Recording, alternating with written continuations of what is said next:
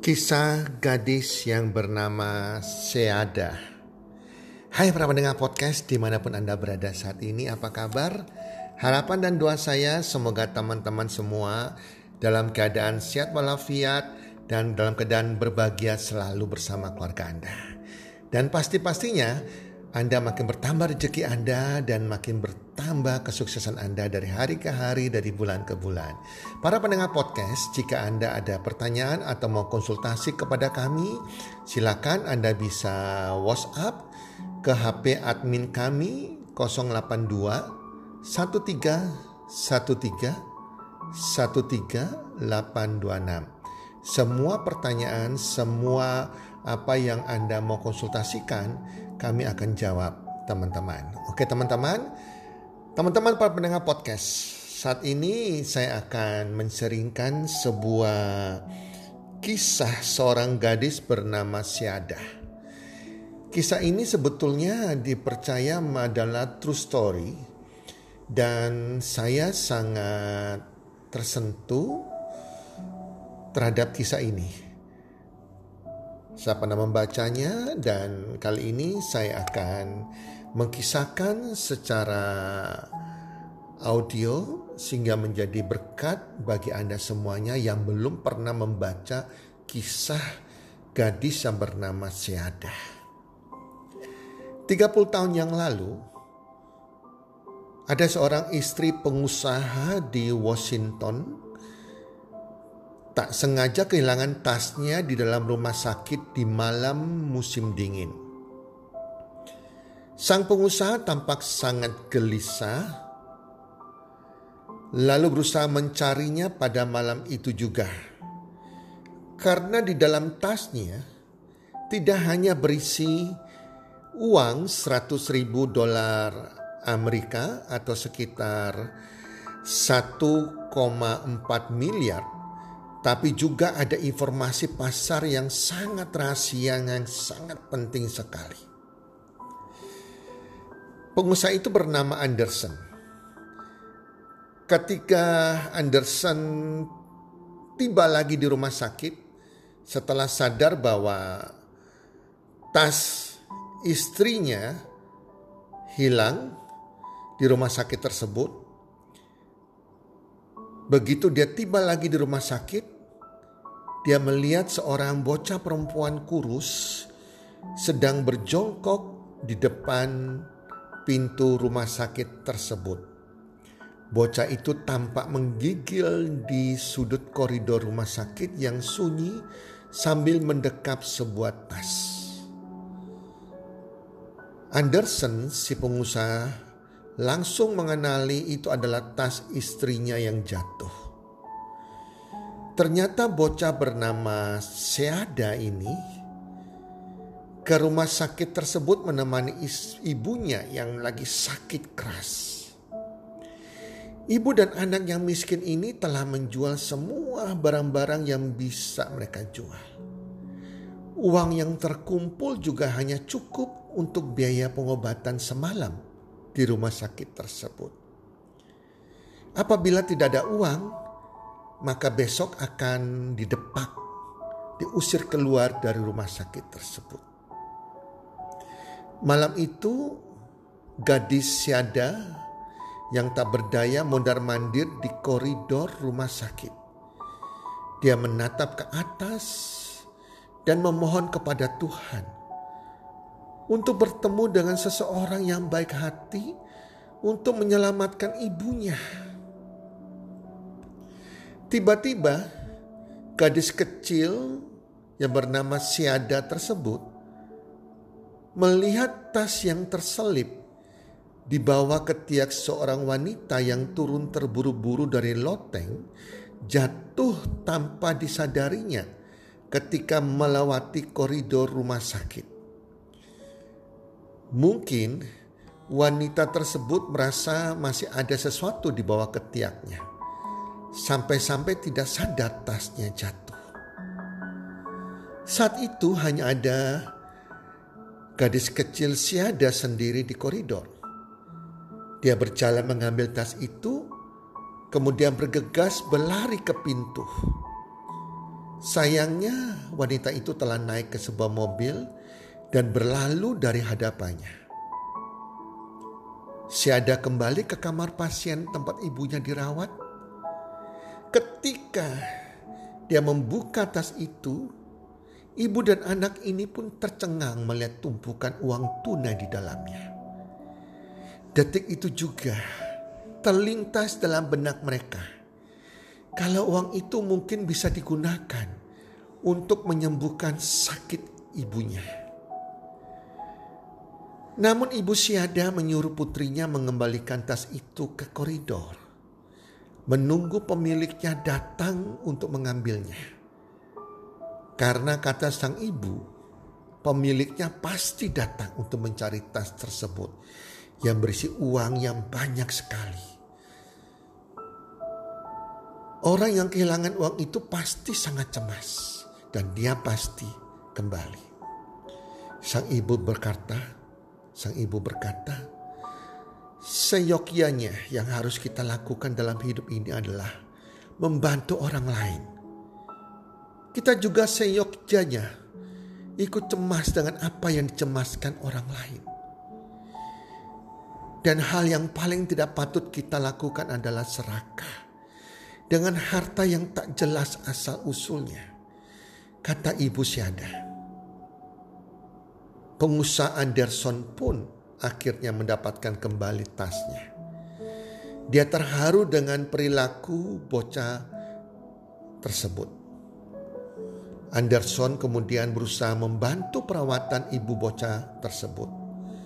Sayangnya meskipun Anderson sudah berusaha semaksimal mungkin, membayar biaya perawatan Ibu Siada. Namun Ibu Siada tak terselamatkan, akhirnya meninggal dunia. Dia meninggalkan anak perempuannya menjadi sebatang kara di dunia. Anderson kemudian mengadopsi gadis kecil Siada ini, merawat dan menyekolahkannya. Setelah mendapatkan tasnya, Anderson bukan saja mendapatkan kembali 100 ribu dolar Amerika miliknya.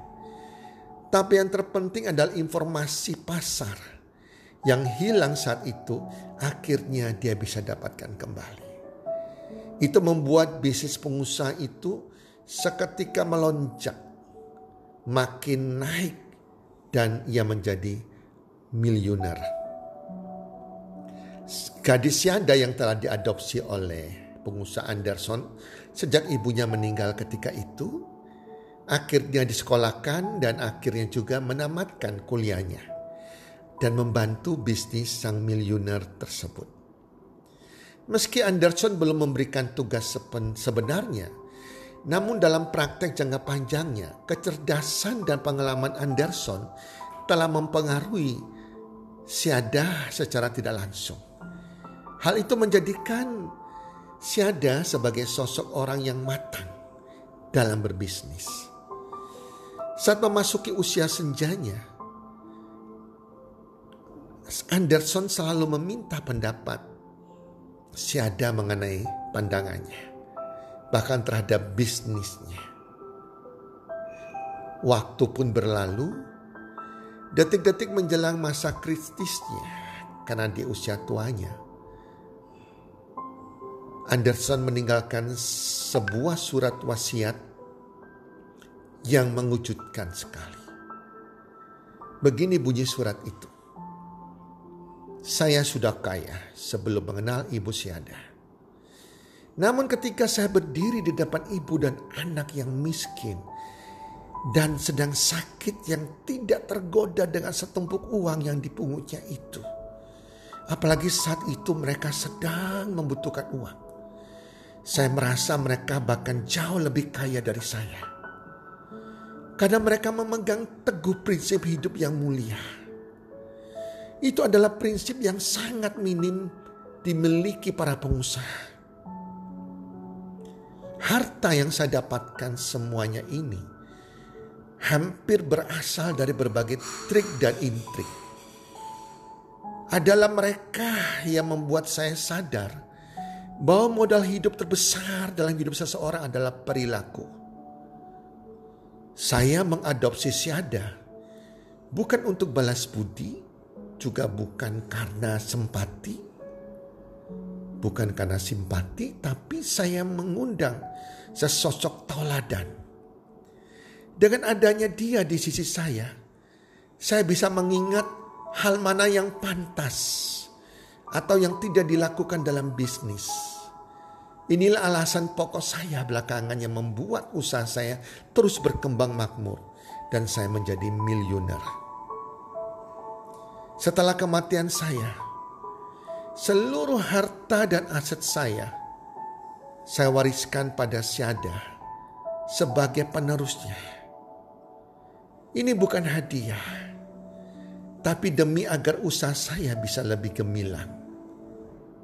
Saya yakin putra saya yang pintar bisa mengerti dengan pertimbangan matang. Pertimbangan kenapa saya sebagai ayahnya melakukan hal tersebut. Ketika putra Anderson pulang dari luar negeri, dia membaca dengan seksama surat wasiat ayahnya. Putra Anderson tersebut tanpa ragu sedikit pun menandatangani persetujuan tentang surat warisan terkait harta tersebut. Tetapi pada waktu dia menandatangani surat warisan tersebut, dia menambahkan catatan di bawah surat warisan tersebut. Saya setuju Syada mewarisi seluruh aset ayah saya. Saya hanya meminta Siada menjadi istri saya, katanya. Melihat putra Anderson menandatangani surat persetujuan warisan tersebut, Siada merenung sejenak, lalu membubuhkan tanda tangannya. Siada menulis sebelum menandatangani surat warisan tersebut, saya terima seluruh harta maupun aset dari Pak Anderson, termasuk putranya, untuk menjadi suami saya. Para pendengar podcast, sama seperti peribahasa berbunyi, apa yang kamu tanam, itulah yang kamu tuai. Jika kita menanam hal yang baik, niscaya kita akan menuai lebih banyak kebaikan dalam hidup kita. Semoga kisah gadis yang bernama Siada ini bisa bermanfaat bagi para pendengar podcast semuanya. Dan salam sukses. One, two, three.